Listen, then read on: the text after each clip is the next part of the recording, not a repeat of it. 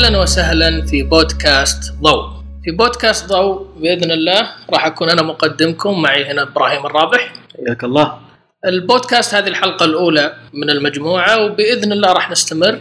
آه، هدفنا من البودكاست إن نوصل رسالة عن الفوتوغراف، عن الفن بشكل عام.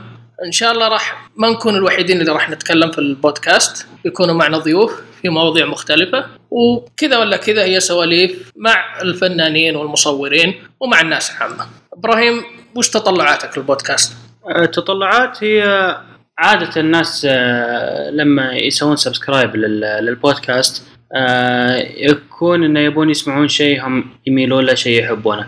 فهذا أكثر يكون موجه للمصورين اللي اللي يحبون إنه يسمعون البودكاست. اللي يكون ماسك خط ولا يكون قاعد يسوي أي activity طويل بحيث إنه آه، يسمع آه، سوالف مصورين. غير مصورين لهم فرصة ولا لا؟ والله ممكن إذا كانوا بعد يحبون تصوير. أنا أتوقع في يومنا هذا الكل قاعد يصور. الكل في له جزء من اهتمامه في التصوير. خاصة يعني مع سناب شات أشوف تصوير أخذ خلينا نقول قفزة نوعية. لأني كثير من الناس اللي شافوني قالوا لي ليش ما عندك سناب شات مثلا؟ ويوم أقول لهم ما عندي مثلا على طول يقولوا لي ليش؟ طيب أنت مصور. فما أدري كأني الانطباع اللي أخذته إنه أضاف شيء للمصورين. سؤالك صعب هذا. ليش؟ ما ما أدري أنا ما شفت أنا اللي اللي خلاني أسأل إنه فعليا الناس ربطوه بالمصورين بنوعا ما. لا اللي كان اللي كان مربوط أكثر بالمصورين اللي هو انستغرام انستغرام إلى يوم انستغرام لا زالوا الناس يحاولون يتفننون فيه أكثر من سناب شات سناب شات يحاولون ياخذون فيه جزء من العفوية. آه، أكثر من التصنع أو إن الواحد يطلع الصورة بأفضل شكل ممكن. ممكن نقول إنه حتى غير المصورين بإذن الله يكونوا من الفئة المستهدفة. إحنا بالأخير بنقدم معلومة سواء غريبة أو من أو تحليل لآخر الأخبار أو حتى معلومات تهم المصورين وغير المصورين بشكل عام وحتى راح نتطرق للفنون الثانية لأنه بالأخير الفن متداخل مع بعض. طبعا. هي كلها معلومات مأخوذة من كل جزء وودنا بالأخير نقدم شيء آه، يهم الجميع يهم المستمعين وبالتأكيد إنه نتطلع حتى الآراء الناس إذا يعني بعد ما سمعوا البودكاست وش تطلعاتهم راح يفيدونا كثير نمشي على هذا المسار. آه، في البداية إبراهيم خلينا نتكلم عن وش الأشياء الأخيرة اللي اشتغلت عليها. آه، آخر شيء اشتغلت عليه كان إني كنت أجرب الفلاتر الإندي اللي هي تكون فيها عشر وقفات. آه هي فعليا تغمق لك عشر وقفات تغمق بشكل كبير. يعني للي ما يعرف الأندي هو مثل النظارة الشمسية للعدسة. آه عبارة عن قطعة زجاج تكون غامقة جدا علشان تقدر تاخذ آه تعريض يكون طويل جدا. مين اللي يستفيدون منها غالبا؟ عادة مصورين ال مصورين السيتي بشكل عام مصورين المدينة ومصورين اللاندسكيب الشيء هذا بالنسبة لي كان آه، نظري. يعني كنت أعرف عن الفلاتر هذه كنت أعرفها بشكل نظري بس ما قد تعاملت معها بشكل عملي ما ما طبقتها.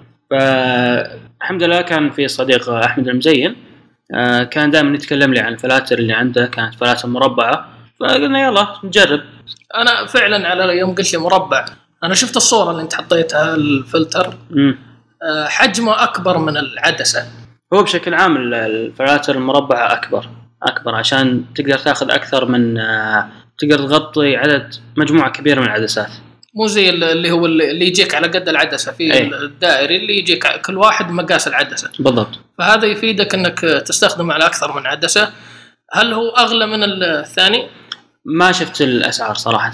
ما شفت لأنه, الأسعار. لأنه فعليا إذا إنه السعر متقارب يكون مكسب لك إنك تأخذ المربع ويغطي على عدساتك كلها. صح بس يظل إنه حتى لو كان الشيء هذا حتى لو كان حجمه ثابت راح يظل إنه في الكونفرتر اللي هو اللي اللي كل عدسه لها مثل الهولدر الحامل اللي تقدر تركب عليه الفلات المربع. يعني هذا بعد راح يكون آه، قيمة راح تدفعها في الأخير. طب كيف النتائج؟ النتائج مبدئيا كانت ممتازة. آه إلى الآن كان هذا أول أول تجربة كانت أمس. آه جربت تصوير آه معماري أقرب ما يكون. كان عندي مشكلة صغيرة. طبعا أنا يوم هو قال لي رجاء قال لي ترى الفلتر اللي معي 10 وقفات. كنت متوقع أن التعريض راح يكون مدته تقريبا دقيقة دقيقتين بالكثير ثلاثة.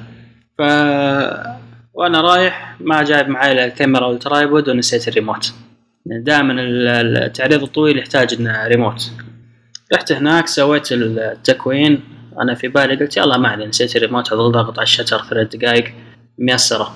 بس آه، يوم جيت حسبت هذه طلع اللي لازم أسويه مدة التعريض 512 ثانية. ما شاء الله. يعني ثمان دقائق ونص. فقلت يعني والله تغميق. يعني عشر وقفات فعلا ما ما. توقعته بالشكل هذا ابدا. كم. كم ال range اللي حطيته كذا توقعك قلت لك يعني مسألة ثلاث دقائق بال- بالكثير. أو فوق الدبل الحين. إي ف يعني كانت كان هذا أصعب جزء. اني أظل ضاغط على على الشتر المدة هذه كلها. واحاول إني ما أتحرك عشان ما يصير في اهتزاز. طب فعليا. قدرت ثمان دقائق ما تهز الصورة أبداً. والله زبطت. أنا صعب علي. أنا بالنسبة لي آه، يدي ما هي ثابتة مرة فصعب إني أجلس ثمان دقائق حتى دقيقتين على ال shutter. والشيء الثاني بعد اللي صار إن في شغلة في الكاميرات. هذه ما كنت آه، معطيها حساب اللي هو إذا كنت مشغل ال noise reduction في الكاميرا بياخذ نفس الوقت. فراح ياخذ بال process نفس الوقت اللي حطيته في ال shutter. فأنت لو كنت قاعد تصور ب shutter 30 ثانية فراح ياخذ بعد التصوير 30 ثانية علشان يسوي process للصورة. فأنا كنت ماخذ 8 دقائق ونص وفوقها 8 دقائق ونص ثانية لل process. فهذه يعني راح الوقت فعليا بس على وقت ال process. طب تجربة زي كذا وشفت النتيجة مبدئيا هل تشوف لها تطبيقات؟ يعني كونك مهتم مثلا بال real estate photography التصوير المعماري بشكل عام. تشوف لها تطبيقات منتشرة ولا بيكون محدودة؟ يمكن على جانب فني فقط ولا؟ شوف بالنسبة لي أنا لين ما أصور آه، landscape أنا ماني صديق ال landscape أكثر تصويري مع ال- آه، السيتي سكيب أكثر. يعني تصوير داخل المدينة تصوير المباني بشكل عام وال- والحضارة والأشياء هذه. آه، ممكن الواحد يطلع بنتائج حلوة بس يظل انها راح تكون محصورة بشكل معين. آه، بس تظل تجربة يعني تستحق تستحق جدا. حلوة بالأخير الواحد يحط ال... أو يشوف الحلول المتوفرة يدرسها على أساس ما تدري متى تحتاجها. إيه. فعليا على حسب يعني بعد التجربة هذه الحين صرت فعليا قاعد أفكر إني أجيب الفلاتر. جميل. ففي شغلة ثانية اللي هو خلاص بالنسبة لي هذا عالم جديد. آه، من الأشياء اللي اكتشفتها إن الفلاتر هذه العادية okay ان تعطي لون أزرق. للصور. ليش ما أدري بس ظاهر بسبب ال- ال infrared الاشعه تحت الحمراء. نوع. الفلتر ولا؟ بشكل عام فالشركات الفلاتر هذه تكون منزلة آه، فلاتر تكون مثل المعالجة okay عشان ما تعطي المسحة الزرقاء في الصور. بس طبعا يكون سعرها أغلى. يكون زي preset ثابت للتصحيح لل لا لا يكون في صناعة؟ القزاز نفسه.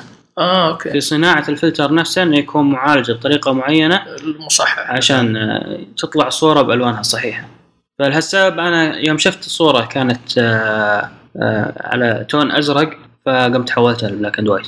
جميل والله. طب وش في بعد ممكن تقول لنا عن مشاريع ثانية سويتها مؤخرا أو حتى خطط مستقبلية؟ الخطط المستقبلية أنا كان عندي مشروع اللي مو مو اللي اللي ماشي فيه بالهداوة. اللي هو تصوير بعض ال- ال- الشخصيات قد تكون مشهورة قد تكون مو مشهورة. بس المهم إنها تكون في بطريقة انه ما يكون مجرد بورتريه لا يكون بشكل اديتوريال بيكون انه صورة تشرح عن شخصية الشخص هذا اللي قاعد اصوره فلو كان مثلا كان شخص كوميدي فالصورة تكون كوميدية. يكون فيها مشهد. في فيها قصة. إيه. فإذا كان مثلا كاتب إذا كان مغني إذا كان أي شيء تكون الصورة تشرح للشخص اللي يشوف الصورة. مثلا إذا شخص شاف صورة آه، مثلا مغني أو شخص كوميدي إذا شافه ك... وكان ما يعرفه شافه بس بورتريه ما راح يعرف هذه الصورة يعني يشرح آه، تشرح الشيء هذا. إيه، أنا توني الشهر اللي راح حضرت دورة عن ال editorial photography. بس كانت متخصصة بالبورتريه وحلو. أنا ال concept مر علي يعني بشكل عام اللي هو التصوير للصحف المجلات آه، غالبا الغربية لأن عندنا أقل الاهتمام بهذا النوع. آه، مهم جدا يحكي قصة بالأخير استعماله سواء ك cover للمجلات للمواضيع. نفس ال course فادني كثير لأنهم حطونا على تجربة فعلية. يعني عطو- اعطونا assignment أو مهمة كأنها مهمة للجرايد وفعلا هو نفس المحاضر قال لنا إنه هذه مهمة كانت لازم أنا أسويها لأحد الصحف. جميل. اي فما هي سهلة. فعليا مو سهل إنك تطلع بال concept الفكرة نفسها. التنفيذ مو سهل إنك بالأخير خاصة مثلا نوع من هذا من التصوير أنت غالبا تستهدف أشخاص سواء سيلبرتيز مشهورين أو حتى ناس ما عندهم ال- الخبرة في كيف الظهور قدام الكاميرا. فأنت لازم تاخذ فرصتك معاه تتكلم آه، آه، تحطه في الموقف اللي هو يبغى يتصور أو يطلع بشكل كويس. بنفس الوقت يبغى لك تتوافق أو توا- تتوافق صورتك مع الهدف حق القصة. يعني في واحدة من المهام اللي أعطوناها كانت عن شخصية غنية آه، لكن بنفس الوقت في تحقيق يدور عن هذه الشخصية باختلاس أموال واشياء زي كذا. فأنت رايح تصوره على أساس إنه شخصية ناجحة بس عندك آه، معرفة إن الرجل هذا بيجوه بعدين في تحقيق وكذا. فبنفس الوقت إنه يعني كان الهدف إنه هل أنت بتقول له هذا الشيء ولا ما تقول له؟ ففيها تحديات كثير.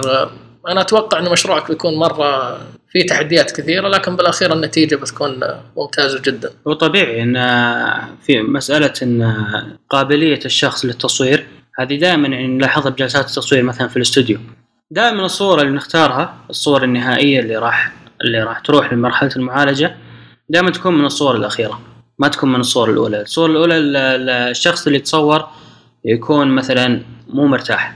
يعني حتى لو كنت أعرف الشخص هذا بشكل شخصي من قبل آه يظل انه أول ما يجي قدام الكاميرا راح يرتبك.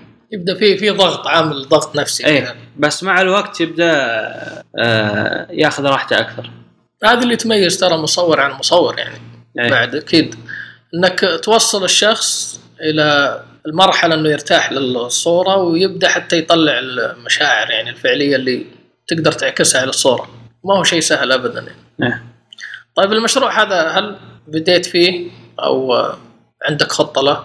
آه أكثر ال- الصور موجودة كسكتشات حاليا آه مرسومة آه بعضها محدد فيها ال- ال- الشخصيات اللي راح تتصور فيها استظل بعض المشاكل اللي هي مثلا في ان شلون أبني الصورة يعني في بعض الأشياء اللي تحتاج فعلا تحتاج بناء. آه ممكن تحتاج إنك تسوي جدار أو تبني غرفة بشكل معين. طبعا مو ضروري يعني غرفة تبنى من طابوق ولا شيء لا بس يعني بشكل عام إنه واحد يسوي شيء مثل الجدران شيء مثل آه ورق الجدران بعد نفس الشيء. آه في بعض الأشياء ال- ال- الذوقية بعض الأشياء الجمالية الفنية اللي ممكن تضاف. فهذه ممكن بعض الأحيان تعطي تكون صعبة شوي. إنك تبي بالأخير أنت تسوي ال- ال- السين نفسه. إيه. كأنك تصنع موقع تصوير يعني بالأصح. بالضبط. يختلف الموضوع لما تختار الموقع وتجيب الشخص تبي تصوره فيه. إيه. وهذا يعني خلينا نقول مقاربه أنا مشكلتي. انتقائي بعد. أنا انتقائي جدا. فهذا اللي مأخرني في مسألة المشاريع الفنية بشكل عام. إني آه، أحب إن الصورة تطلع بشكل كامل. طب مشاريع زي كذا حاط لها وقت ولا أنت فعليا خلينا نقول معتبره مثلا مشروع الحياة وكل شوية أنا بسوي فيه. هو هذا أنا بالنسبة لي أشوف انه شيء غلط إن الواحد يخليها بدون بدون تخطيط. بس أنا قاعد أرتكب الغلط هذا. عارف إني في في المسألة فيها تسويف شوية خصوصا مع مسألة ال- ال- ال- صعوبة بعض الأشياء يعني المفروض إني أشد حيلي فيها أكثر. بس يعني نقول إن شاء الله. يلا إن شاء الله. غير طيب. كذا في عندك؟ طيب بالنسبة لك أنت شو المشاريع اللي والله أنا أهم مشروع مؤخرا اللي حسيته أضاف لي كثير اللي هو التحدي الشهري. مم. أه، بديته مع مجموعة مصورين أه، حياة الشارع و street photography في البحرين. أه، جميل يعني هم بدوه كفكرة وبدوا تنفيذه على طول بحيث إنه كل شهر يحطوا هدف. يعني أول شهر كان تصوير التريبتك تريبتك طريقة فنية على أساس إنك تجمع ثلاث أه، مشاهد أو ثلاث صور أه، هي بدأت بالرسم كأي فن آخر يعني. والفكرة منها إنه تصور أنت أو تختار من صورك شيء تقدر تعرضه في ثلاث صور. جميل. التحدي كان إنه هو تحدي وفائدة يعني خلاني فعليا على أساس إني أنفذ هذا التحدي أو أصور لهذا التحدي إني أطالع بشكل مختلف يعني. ممكن أول كتصوير حياة الشارع إني أمشي أشوف مشهد أعجبني صورته الحين لا المشهد أعجبني وصورته بس بعدها بشوف كيف أقدر أصوره من طريقة ثانية أضيف شيء يضيف لنفس القصة حتى مرات لونيا يعني مو شرط إنه يكون نفس الموضوع بس. ممكن الألوان تكون مربوطة بشكل بالعرض بالأخير انتقلنا من هذا المشروع الشهر الأول الشهر الثاني كان على ألوان واخترت اللون الأحمر. أنا كنت في البداية دائما يعني أقول السعودية دائما يعلقوا عليها إنه ما فيها خضار ما فيها خضار فقلت خلني أروح مع الأخضر. بس يوم فكرت فيه ب يعني بتعمق اكتشفت إنه مو اكتشفت توصلت إلى إنه ال- الأخضر أحسه مشروع أكبر من إنه يكون بشهر. يعني فعليا إنك تبغى تظهر السعودية كموقع فيه أخضر اللون الأخضر. أحسه مشروع أطول من كذا. فصارت إنه جتني أول صورة بالصدفة أعجبني جدار أحمر. كان فيه رسالة يعني بالأخير وصورته واعتمدت الأحمر ومستمر فيه إلى الآن. الشهر هذا بيكون على ال- الأكل اللي بالشارع food street بشكل عام يعني المطاعم ال- الأكل الخارجي بشكل عام أو حياة خلينا نقول حياة الشارع جزء الأكل. لسه ما بديت فيه لكن إن شاء الله متحمس له كثير يعني. ممتاز. مسألة التحديات الشهرية هذه صرت تلاحظ حتى في مواقع التصوير بعد. آه، إذا مو غلطان حتى 500px صار عندهم آه، مسألة التحديات اللي يحطون موضوع معين آه، والمصورين يروحون كل واحد يسوي post لل- للصورة اللي تاب- تبع ثيم الشهر هذا. في حتى بالإنستغرام أتوقع في هاشتاج آه، صار الناس يحطوا فيه صورهم تبع التحديات. ممتاز. وأتذكر في كان application اللي هو أتذكر اسمه كان okay دوت okay do it. إيه. إيه. ما أدري إذا انشهر ولا ما ما شفت إنه صار له قبول. والله للأسف. إيه. لكن كانت فكرته جميلة إنه بالأخير هو يعطيك التحديات. إيه. يعني هو كان تحديات موجودة من الناس. كل يعني الناس يحطون تحدي وناس ثانيين آه، مثل اللي يقبلون التحدي هذا ويسوون صورة إيه. بناء على الشيء هذا. هذاك كان حلو صراحة. إيه كانت فكرته قائمة. ويدفع الواحد إنه يصور. يعني اللي يكون مثلا عنده الخمول في التصوير مرحلة الخمول هذه آه، يدفع الواحد إنه يرجع يصور علشان يعني يكسر ال- ال- التحدي هذا. لا فعلا جميله الفكرة. سابقا ما كان عندي آه، ذاك الاهتمام بالتحديات. يعني خاصة إنه مثلا في الأشياء اللي أصورها المزاج يعني تصوير حياة الشارع أحسها شيء خاص فيني فما أحب أدخل فيها روح المنافسة. لكن لما شفت إنه لما تسوي التحدي للتحدي يعني مو شرط إنك تدخل تنافس مع شخص آخر لكن أنت تتحدى أو خلينا نقول تنافس نفسك يعني بالأخير. تدريب جدا ممتاز فادني كثير يعني خلاني أفكر آه، أخطط مرات مرات أتوقع الصورة اللي أبغاها. تعرف بحياة ال- الشارع أنت تتعامل مع الشارع. يعني ما هي زي لما تخطط زي مشروعك مثلا أنت تخطط وتبغى تصوره بالشكل هذا. لكن حياه الشارع انت تشوف مشاهد وتتفاعل معها. مرات تشوف مكان وتختاره وتتفاعل معه. فالتحدي هذا خلاني فعليا يعني مثلا اللون الأحمر خلاني أشوف أشياء ما كنت أشوفها من قبل اللون الأحمر. يعني في لون أحمر وين موجود؟ يعني تخليك تركز بشكل عام على شيء ما كنت مركز عليه من أول. إيه فعلا كثير. جميل المشروع. غير هالمشروع كان عندي في عندي بروجكت للحين يعني أنا في مرحلة التبلور إنه عندي الفكرة الأساسية بس التنفيذ للحين اللي هي ودي أخلق آه، قصة يعني أبغى في عندي موضوع أبغى أحاول إني أغطي هالموضوع مثلا بست صور ست صور تكون فيها محاكاة لحياة الشارع لكن بنفس الوقت إنها مبنية ما هي يعني ستيجد بالأخير مم. فالمشروع لسه ما ما تبلور كامل لكن الفكرة الأساسية عندي إن شاء الله إنه هذا بشتغل عليه الأشهر القادمة. أنا أشوف آه، في ناس اللي شغالين على السيريز بشكل عام ال- ال- التسلسلات ال- أو المجموعات الصور اللي آه، تكون مجموعة من الصور ممكن تكون آه، ثلاثة إلى ستة إذا مو ثمانية وأكثر آه، تكون كلها تابعة لثيم واحد هذا أشوف كثير من المصورين يعني آه، يسوونها وجميلة ليش؟ لأن ممكن بعض الصور إذا كانت آه، تعرض بشكل مفرد تكون مو بذيك القوة بس إذا انعرضت كلهم بشكل آه، سوا آه، تعطيك تكون- قصة بالأخير. إيه تكون أقوى وهذا ترى الستايل مأخوذ من الإديتوريال بشكل عام يعني المجلات كانت يوم تعرض قصة. كانت تعرض مجموعة آه، صور ممكن تكون فيها صورة أو صورتين اللي هي قوية أو ممكن خلينا نقول تنحط لحالها الباقي كلها صور داعمة يعني عادة تكون بالواجهة حتى واجهة بالضبط. إيه إيه. بالضبط فهذا اللي أطمح إني أسويه مستقبلا وكل فترة بحاول أسوي مشروع بشكل إنه يكون فيه قصة وراه يعني في في هدف إنه شيء اوصله. ومؤخرا أخذت course آه، فادني كثير فادني كثير اللي هو Seeing Through Photographs هو من Coursera Coursera موقع يوفر كورسات بالمجان.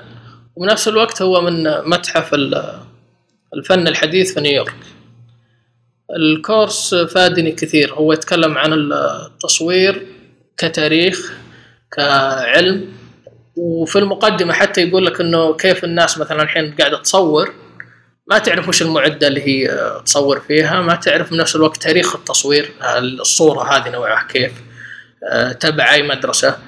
وبنفس الوقت يعني راحوا بأكثر من جهة. يعني تكلموا عن التصوير مثلا ك كقيمة توثيقية.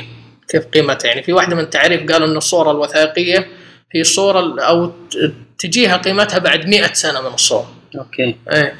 فحلو كان ال course. يعني يتكلم مثلا عن تصوير الناس. آه، بنفس الوقت تكلم في concept حلو عجبني فيه اللي هو كدراسة فنية أو كدراسة بشكل عام. آه، تقدر تبي تفهم مثلا تطور شيء معين فتثبت عامل فهو على أساس تشوف المتغيرات اللي حوله. يعني هم وش جابوا؟ جابوا موضوع تصوير القمر وقالوا كيف تطور تصوير القمر عبر السنين. يعني من كان التصوير في الاستوديو آه، كيف كانوا يستخدمون كذا كرتون على شك- شكل قمر كيف بعدين تطور وصار يتدخل باللاندسكيب آه، كيف بعدين صار حتى يعني آه، أشياء معاصرة كذا غريبة يجيبوا كرتون على شكل قمر ويصوروا على سطح عاكس. الحلو إنه يوم ثبت هذه هذا الشيء صرت تشوف أشياء متغيرة ثانية غيرها. فأعجبتني الطريقة وأحس إنه ممكن يعني راح تفتح لي مجال كثير لو أبغى أدرس التصوير في المنطقة مثلا.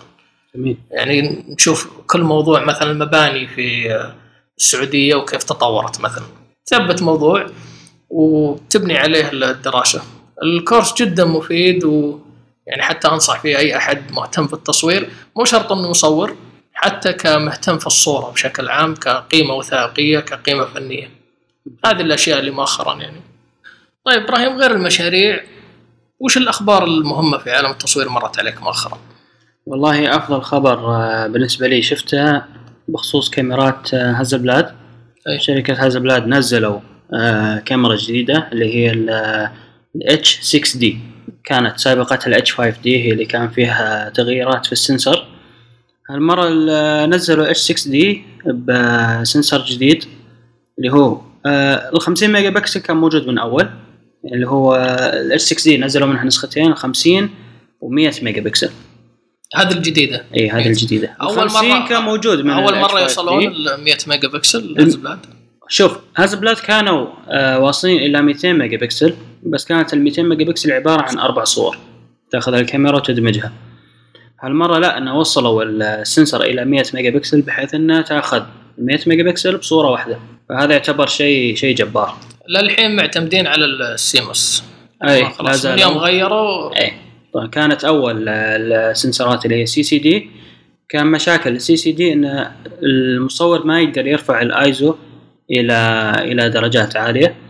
آه، هالمرة لا. صرت تقدر إلى مع ال sensor الجديد اللي هو CMOS توصل إلى في الكاميرا هذه إلى 12800 والله عدد جبار بالنسبة خاصة ل Hasselblad يعني مو. متعودين الناس. آه الشيء اللي تغير بعد في, في الكاميرا هذه إنه صارت غيروا فيها software بحيث إنها صارت ال- الكاميرا touch screen شاشه لمس. قفزة نوعية. هذه قفزة. للحين الشاشة تكون سيئة حتى لو والله المفروض لا انه خلاص حاولوا انه يرقعون السالفة لأن صار عندهم منافس قوي جدا. عندهم المنافس اللي هو ال Phase 1 من أقوى المنافسين ل Hasselblad في ال medium format.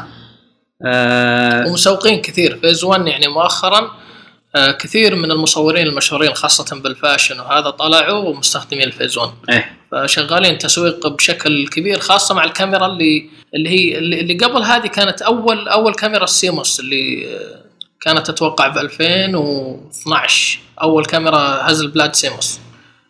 أعتقد بعد 2012 ممكن إيه. بشوي. الموديل هذاك هو اللي بدأ ينافس ال- اللي Phase 1 أنا ما يحضرني اسمه لكن الموديل اللي طلع ب 2012 مهم. هو اللي أو 2014 تصدق مو 2012 آه، 2014 ممكن. إيه. إيه. هو اللي بدأ ينافس آه، Hasselblad وأتوقع إنه هذا يعني ثمرة المنافسة بالأخير. إيه. لأن Hasselblad كانت تعتمد على على ال- الإرث اللي عندها.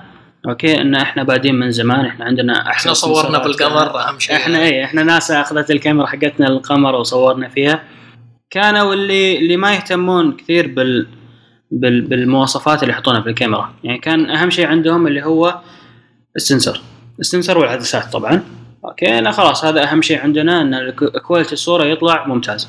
الجديدة كيفها مع العدسات؟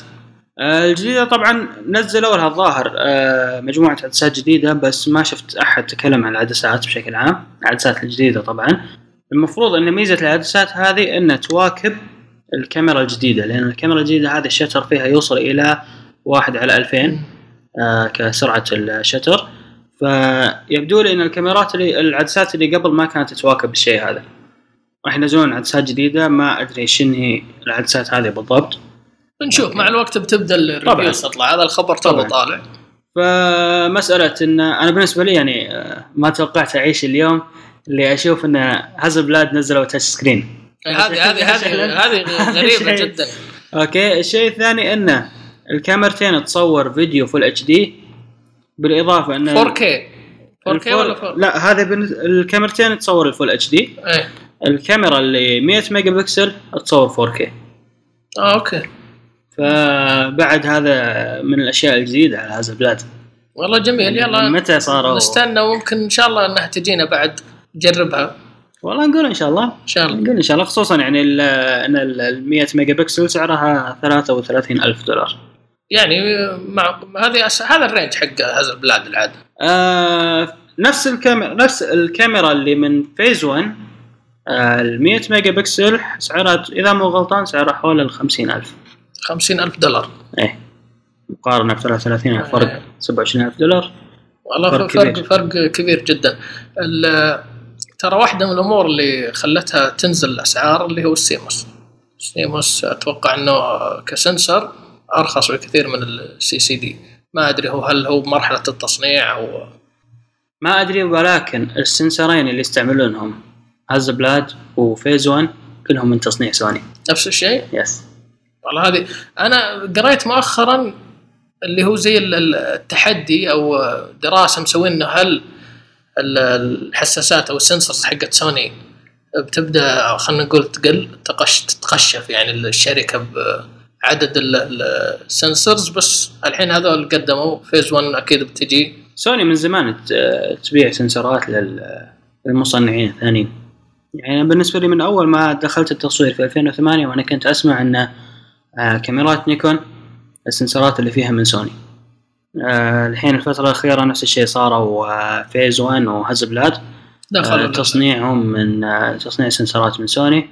طبعا ما ننسى بعد إن سوني نفسها اللي صاروا دخلوا بشكل أكبر في السوق مع كاميرات ال- ال- الألفا 7 full frame إيه هذه صار لها يعني انتشار قوي. رجع رجعت سوني سوق الكاميرات بشكل إيه. لأنه أنا أذكر سوني من زمان في ال compact وفي التصوير الفيديو ال DSLR أتوقع مع الكاميرات ال full frame دخلت رجعت سوني للسوق. فحلو جميل ننتظر ال Hasselblad أنا بالنسبة لي في خبر عجبني اللي هو The Impossible Project هي شركة مهتمة بالأفلام وسموه حتى The Impossible Project إذا تذكر سووه كانت حملة على أساس إنه كان المشروع المستحيل إنه يرجعوا الأفلام يعني كانت على. Kickstarter ولا؟ اي أول ما بدأ على Kickstarter واستمر والحين آه، يعني ناجح جدا يعني ولهم تفاعل كثير. الخطوة اللي سووها إنهم سووا كاميرا نفس البولارويد اللي هي آه، كاميرا فورية instant camera بحيث تستخدم اللي هو ال 600 type آه هذه ال- الأفلام اللي هي تقريبا الشكل المربع المعروف حق البولارويد. هذه 600 type Impossible سووها كثير أو استثمروا فيها كثير وغالبا آه، هي خلينا نقول ال- الأفلام الرئيسية اللي قاعدة تبيعها. الوقت اللي راح كانوا يعتمدون على الكاميرات ال SX 70 من بولارويد اللي هي موقف تصنيعها. الحين قاعدة تتداول خلينا نقول بين الأشخاص بالأخير.